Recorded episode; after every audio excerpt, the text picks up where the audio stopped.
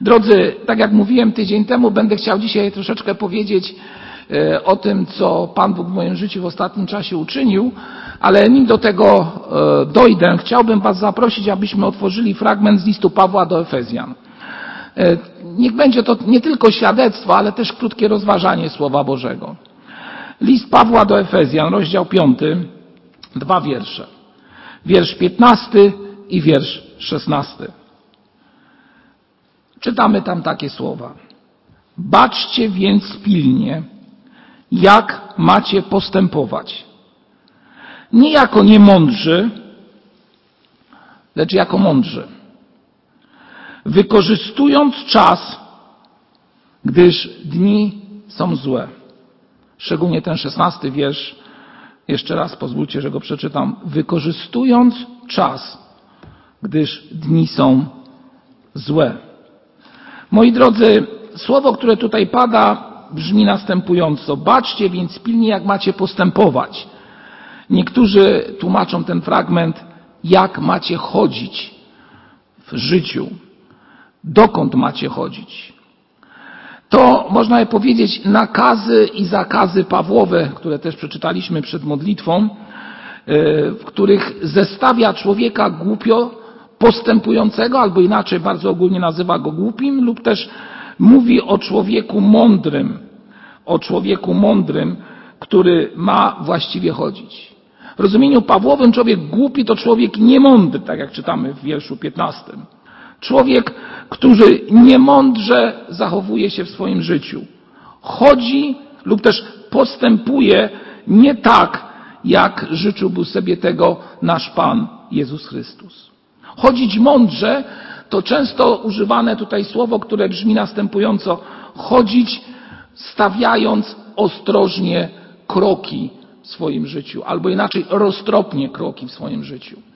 Przepraszam, że akurat aż tyle tutaj różnych określeń dotyczących tego fragmentu, ale myślę, że jest to istotne ze względu na to właśnie, jako, że każdy z nas, jako ludzie wierzący, powinniśmy dążyć do tego wzoru doskonałego wzoru, który jest w Jezusie Chrystusie, a który on mówi o tym, że mamy być ludźmi mądrymi, którzy w swoim życiu kierują się mądrością Bożą, a nie wiedzą, inteligencją własną. Ja kiedyś już tutaj przywoływałem słowa jednego z filozofów, które brzmią następująco.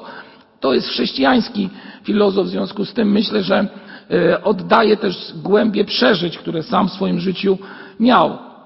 A mianowicie mówiąc o mądrości i, i mówiąc o wiedzy, powiedział, że wiedza jest dumna z tego, co się nauczyła, a mądrość wie, że wie za mało, czyli ciągle się uczy. Wiedza jest dumna z tego, co się nauczyła, a mądrość wie, że wie za mało. I o tej mądrości czytamy właśnie w tym fragmencie. Macie postępować nie jako niemądrzy, lecz jako mądrzy ludzie.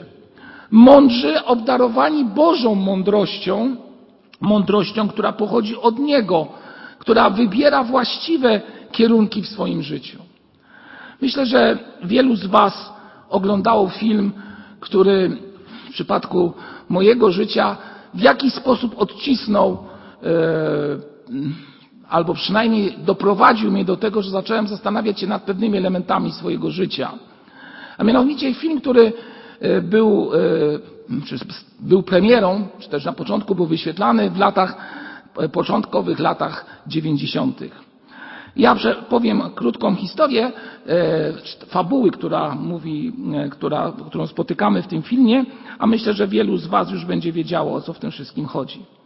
A mianowicie film dzieje się w pewnej akademii, akademii, która nazywana jest Akademią Welton, do której przybywa e, nauczyciel.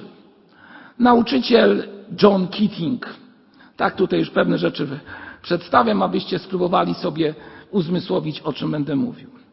Akademii, czy też e, w istocie Akademii są zawarte cztery główne punkty, jeśli chodzi o kwestie zachowania i wychowania młodych ludzi. Można powiedzieć takie cztery złote zasady, charakteryzują tę akademię na przełomie całej jej historii. Po pierwsze tradycja, po drugie honor, po trzecie dyscyplina i po czwarte doskonałość. Jeszcze raz, tradycja, honor, dyscyplina, doskonałość.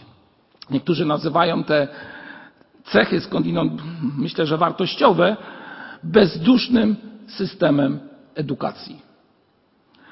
Po tradycja i honor, dyscyplina to wszystko dobre rzeczy, ale bardzo często, i tutaj to właśnie w tym filmie jest pokazane, powodują, że ludzie są ograniczeni, są w jakiś sposób zamknięci. Uczniowie z tej szkoły pod dowództwem swojego kapitana zakładają stowarzyszenie. I tutaj jest właśnie już nazwa tego filmu. Stowarzyszenie Umarłych Poetów. Tym stowarzyszeniu dążą do tego, aby w jakiś sposób na nowo e, mieć prawo do marzeń, do wolności, ale dodatkowo jeszcze dodają prawo do tego, aby móc się buntować, wystąpić przeciwko temu, co tradycyjne, co niesie dyscyplina, co niesie dążenie do tego, aby być doskonałym, a doskonałość często nie jest prawdziwa, tylko niesie w sobie duże pokłady hipokryzji. Zresztą mówiłem o tym w ostatnią środę. Zachęcam, kto chce, może jeszcze to usłyszeć. Jaki jest finał tego e, filmu? A mianowicie finał jest taki, że jeden z uczniów, który jest e, no, w rozumieniu swojego ojca przeznaczony do tego, aby właśnie te cechy, które są tutaj wyszczególnione w tej szkole spełnić, zaczyna się buntować.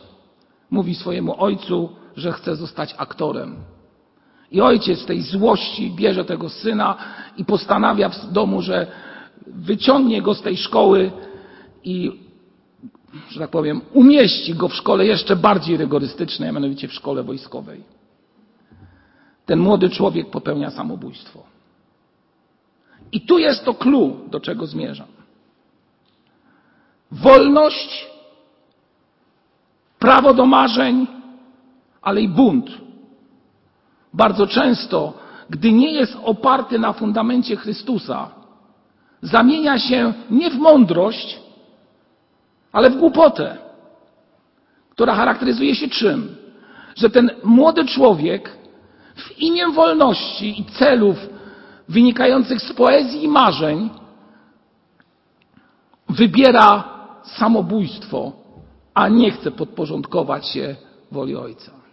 I oczywiście na pierwszy rzut oka możemy powiedzieć heroizm. Ten człowiek pokazał prawdziwą drogę. Ale myślę, że jest to w dużej mierze oszustwo diabelskie, które doprowadza wielu młodych ludzi, i nie tylko młodych, do takich postaw. Jestem wolny, wiem co robię, mam prawo do wypowiedzi, mam prawo do samostanowienia. Jestem prawdziwym humanistą. Nikt i nic nie będzie na mnie wpływał. Nikt nie będzie kształtował mnie, bo ja wiem. Jestem wolny. I wyznaję Wam szczerze, że jako młody człowiek bardzo mocno w swoim życiu tą ideę praktykowałem. Wolność. A druga idea, która płynie między innymi z tego filmu, to właśnie kwestia związana z takim łacińskim stwierdzeniem, mianowicie carpe diem.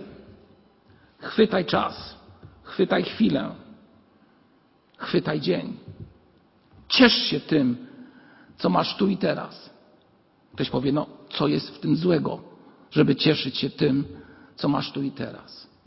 A no właśnie i tutaj e, chcę powiedzieć o dwóch sprawach. A mianowicie mądrość wierzącego człowieka wyraża się w tym, że owszem, chwyta czas i chwilę, ale ten czas i chwilę ma po to, aby być bliżej Boga i służyć drugiemu człowiekowi, niż li tylko zaspokoić samego siebie. Tu i teraz. Dlatego raczej bym powiedział chwytać wieczność, a nie chwytać chwilę chwilę, która przemija. Chwycić wieczność i żyć w tej wieczności to mieć siłę do tego, aby chodzić ostrożnie w życiu, w konfrontacji ze Słowem Bożym, a nie w konfrontacji nawet z najlepszą poezją, która uwznośli, która może dać wiele, Ale o wiele wartościowszym w życiu człowieka może być to, jeżeli uchwyci się nadziei, która jest w Chrystusie. Bo to, co tu i teraz, przemija, a to, co jest wieczne, trwa. Wiecznością jest nasz Pan Jezus Chrystus. Chodzić w mądrości, chodzić nie za radą bezbożnych, jak mówi Psalm pierwszy i wiersz pierwszy. Wejść przez ciasną bramę, jak mówi Ewangelia Mateusza, siódmy rozdział. Żyć zgodnie ze Słowem Bożym. W Piśmie Świętym czytamy słowa, które mówią w Psalmie 14, wierszu pierwszym, że głupi rzekł w sercu swoim nie ma Boga. Powiem tak. Tym głupcom, o których tutaj czytamy, wcale nie brakuje inteligencji. Ci, którzy są tutaj opisani i nazwani głupcami, wcale nie są ludźmi inteligentnymi. Oni są inteligentni. Oni mają wiedzę. Oni mają poznanie. Ale to często prowadzi do dumy. Do tego, aby żyć bez wiary. Tu i teraz. Mam sąsiadów, mam znajomych, których uczciwie powiem, często nie potrafię zrozumieć. Bo kiedy zaczynam rozmawiać z nimi o wieczności i mówić im o tym, co jest w moim sercu, widzę w ich oczach, w ich wypowiedziach, że tak właściwie, drogi sąsiedzie, to interesuje mnie tu i teraz a nie to, co będzie później. I cała ich inteligencja i wiedza i tytuły, które posiadają, które na pewno trzeba cenić, bo wynikają z ich pracy, sprowadzają się do tego, co jest tu i teraz. Możecie zadać pytanie, dlaczego o tym mówię? Ano, mówię o tym dlatego, że, tak jak powiedziałem, chcę się podzielić słowami wdzięczności Bogu za czas, który pozwolił mi, powiem wprost, przeżyć. Nie chcę tutaj doprowadzać i mówić Wam o boleściach, przez które przechodziłem i tak dalej, i tak dalej. To nie jest istotne, aczkolwiek na pewno odcisnęło jakieś piętno i na moim życiu. Ale moi drodzy, chcę Wam powiedzieć o tym, że w tej trudnej chwili, kiedy zdiagnozowano u mnie chorobę COVID-19, czyli umownie mówiąc koronawirus, i kiedy przez prawie ponad dwa tygodnie ciągle, można powiedzieć, temperatura była na tyle wysoka, że nie pozwalała mi normalnie funkcjonować, mogłem widzieć, mogłem widzieć jedną podstawową sprawę. Że tu i teraz, owszem, boli, ale niezależnie od tego, co jest tu i teraz, jest nadzieja, która jest w Jezusie Chrystusie, a tą nadzieją jest wieczność. Kiedy gorączka powodowała, że człowiekowi wydawało się, że niby jest tu, a rzeczywistości jakby był dwa kroki za sobą, co było po prostu dla mnie przeżyciem trudnym do opisania, ale tak było. Wiedziałem, że należę do mojego Pana Jezusa Chrystusa. Chociaż było to trudne. Kiedy przyszedł trudny czas i w waszym życiu coś takiego się może zdarzyć, Pamiętajcie o jednym, to co powiedział prezbiter Marek Głodek. Macie przyjaciół. I wszystkim Wam dziękuję, że mogłem odczuć Waszą przyjaźń. W modlitwie wyrażoną. Kiedy przyszedł trudny czas, pojawił się brat, tak mogę powiedzieć, który myślę, że był dany mi jak dar od Pana Boga. Jestem tego pewny. To on e, po pierwszym tygodniu choroby zbadał mnie i on stwierdził, że jestem nosicielem, że jestem, że mam wynik pozytywny. I on powiedział mi, nie martw się. Po pierwszym tygodniu, kiedy zbadano moje płuca, okazało się, że wszystko jest ok, przynajmniej tak wynikało. Poszedłem z nadzieją w drugi tydzień, ale okazało się, że drugi tydzień to dopiero była ta właśnie konkretna sprawa, która dotyczyła mojego życia. I tak jak powiedziałem, wydawało mi się, że wszystko przeminie i w nadziei trwałem każdego dnia, że będzie dobrze. I po dwóch tygodniach choroby gorączka dalej nie ustawała. No i muszę wam powiedzieć, zacząłem się po prostu zastanawiać, co jest grane. Wszyscy mówią tam tydzień, góra, a tutaj nic. I znowu zadzwonił ten przyjaciel. I mówi tak: przyjedź do mnie. Zbadam cię. Pomyślimy, co zrobimy. No i zbadał mnie. Jechałem do niego z gorączką. I tutaj rozpoczyna się kolejna rzecz, która wierzy, że jest ingerencją Boga, jeżeli człowiek wierzy i ufa. Zbadał mnie i powiedział tak: No, nie jest to bakteryjne, nie są to bakteryjne szumy w Twoich płucach, no ale muszę Ci powiedzieć, coś tam jest. Nie powiedział mi co, ale powiedział, co powiedział. Wróciłem do domu, mierzę temperaturę 36,8. Nie ma gorączki. I gorączka nie wróciła. I zacząłem czuć, że Bóg prowadzi mnie do uzdrowienia. Ale zadzwonił mój przyjaciel. Jak się czujesz? Mówi. Mówię, gorączka minęła. Poczekamy. Jeszcze się tak szybko nie ciesz. Zobaczymy.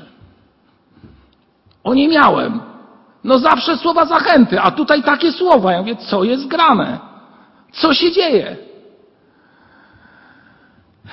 Mówi tak, po pięciu dniach, jak będzie wszystko dobrze, możesz iść i działać na tyle, żeby być wśród ludzi.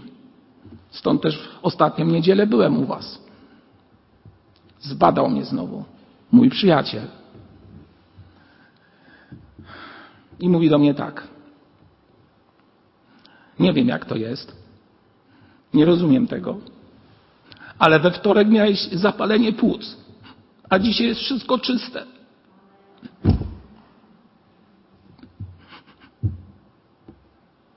Miałeś zapalenie płuc, które ewidentnie prowadzi, wiecie do czego. Ktoś do mnie zadzwonił ostatnio, mówi, no jak twoja choroba? Byłeś w szpitalu czy nie byłeś? Ja mówię, no nie, to tam COVID. Czy, nie wiem, e, to, że człowiek był pod respiratorem jest wynikiem tego, że bardziej chorował lub mniej chorował? No bzdura totalna.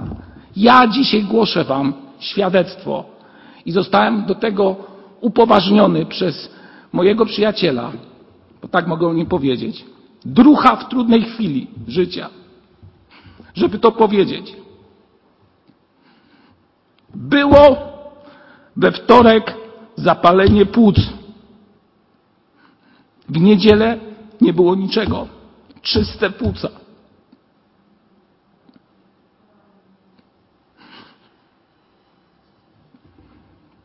Chodzić z Bogiem to zwyciężać z Nim.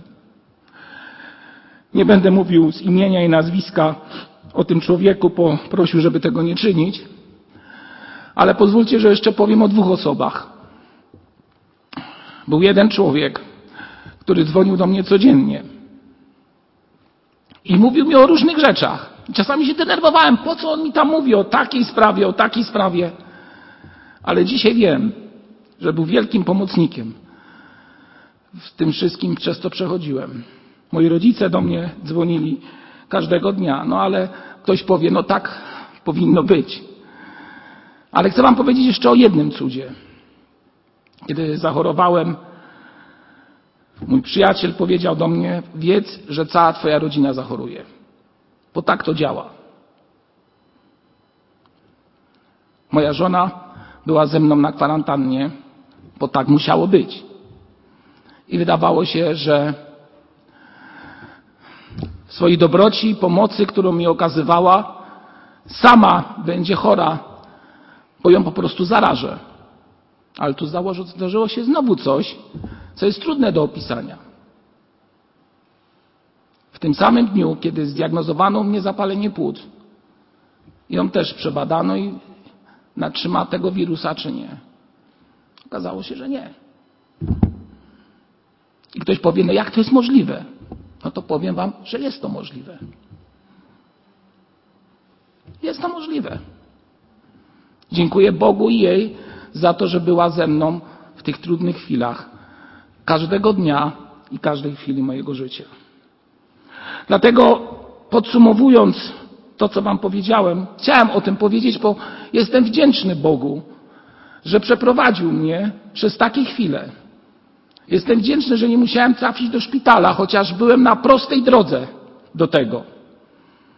Nawet mój przyjaciel lekarz mówił, a właściwie jego żona mi mówiła o tym, mówi, słuchaj, wiesz co, on zadzwonił do swojego kolegi e, ze studiów, który jest wirusologiem i zastanawiali się, czy nie dać ci jakichś sterydów i innych spraw, które miały cię uratować. Ale ktoś zaingerował w to wszystko. I tylko mogę powiedzieć Bogu, Boże, jestem Ci wdzięczny, bo to Twoja dłoń. Twoja dłoń. Ale niezależnie od tego jestem też wdzięczny za tych, Panie, których Ty posłałeś, aby byli blisko mnie.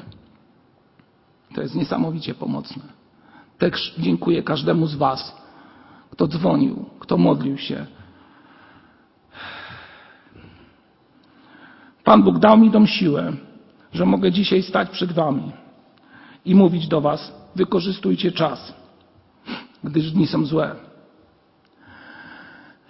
Mniej więcej pięć dni przed moim zachorowaniem moja córka Ruth zadzwoniła do mnie i mówi tak, tato, jaką masz grupę krwi? Ja mówię, ale co, co, co ma, tato, jak, no ja mówię, zero RH tam plus. O, mówi tato, to, to spokojnie, ci ludzie praktycznie nie chorują na COVID. Po pięciu dniach już miałem gorączkę.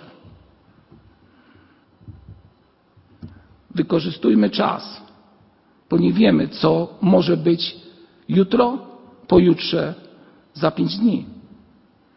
Nie wiemy, czy Pan Bóg da nam siłę i zdrowie do tego, aby funkcjonować normalnie. A może faktycznie znajdziemy się pod respiratorem. Młodzi ludzie odchodzą. Często w naszych sercach potem rodzą się wyrzuty, dlaczego nie powiedzieliśmy im o Chrystusie? A może nie chcieli słuchać. Albo tak jak mówił brat prezbiter o tym intelektualiście, który mówi, a nie teraz, innym razem. Bracia i siostry, wykorzystujmy czas, gdyż dni są złe. Chodźmy w mądrości, w świętości, w miłosierdziu dla drugich. Bądźmy ludźmi, którzy niosą słowa pocieszenia. Bracia i siostry, nic, naprawdę nic nie znaczy doczesność. Dobra, które posiadamy, inteligencję, którą mamy, to wszystko jest namiastka. To wszystko jest nic warte i przemijające. Kiedy leżysz i tak jak powiedziałem, twój mózg widzi bezsilność, widzisz, że nie ma leku, aby ci ten lek mógł pomóc do normalnego funkcjonowania. I widzisz, że jesteś bezsilny, a wszystko, co się dzieje, to tylko to, że ktoś ci daje dobre słowo i radę i stara się, aby ci pomóc. To wtedy możesz spojrzeć na Chrystusa i powiedzieć: Panie, ja wiem, że w Tobie jest nadzieja i pomoc. Prawdziwa nadzieja, prawdziwa pomoc, prawdziwe wsparcie. I podziękować za tych, których On posyła aby stali przy Tobie. Niemądry żyje z dala od Boga, sprzeciwia się Niemu, sprzeciwia się Jego prawu, nie pojmuje prawdy, ale też powiem Wam wprost, niemądry nie wie, w jakiej beznadziejnej sytuacji się znajduje. Po dzisiaj trwa, ale jutro może być koniec. Carpe diem? Chwytaj chwilę? Chwytaj, chwytaj czas, który ci został dany? Tak, ale w kontekście wieczności, a nie tego, co tutaj trwa i przemija. Nie tego, co przemija. Ścieżką mądrości jest szukanie woli Bożej. I to jest temat Słowa Bożego, które jeżeli Pan Bóg pozwoli mi za tydzień w niedzielę będę chciał do Was mówić. Ścieżką mądrości jest szukanie woli Bożej. We wszystkim. Nawet w chorobie. Nawet w chorobie. Powstańmy do modlitwy. Zapraszam.